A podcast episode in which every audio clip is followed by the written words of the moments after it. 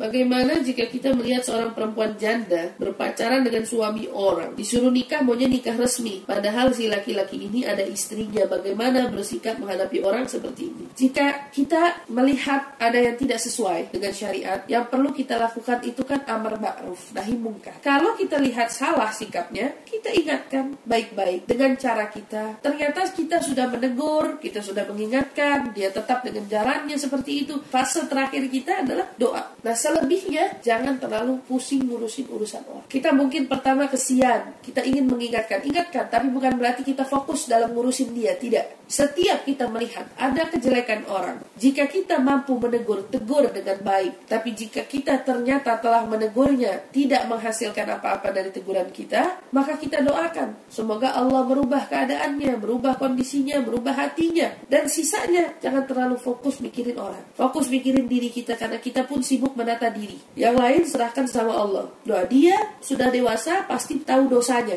Hukum berpacaran, terutama dengan suami orang, kan dia juga tahu dosanya. Sama-sama sudah dewasa. Jika ternyata dia lupa, dia khilaf, tugas kita mengingatkan. Tapi bukan berarti wajib merubahnya. Tidak ada kewajiban dalam diri kita merubah seseorang, tidak. Mengingatkan, boleh.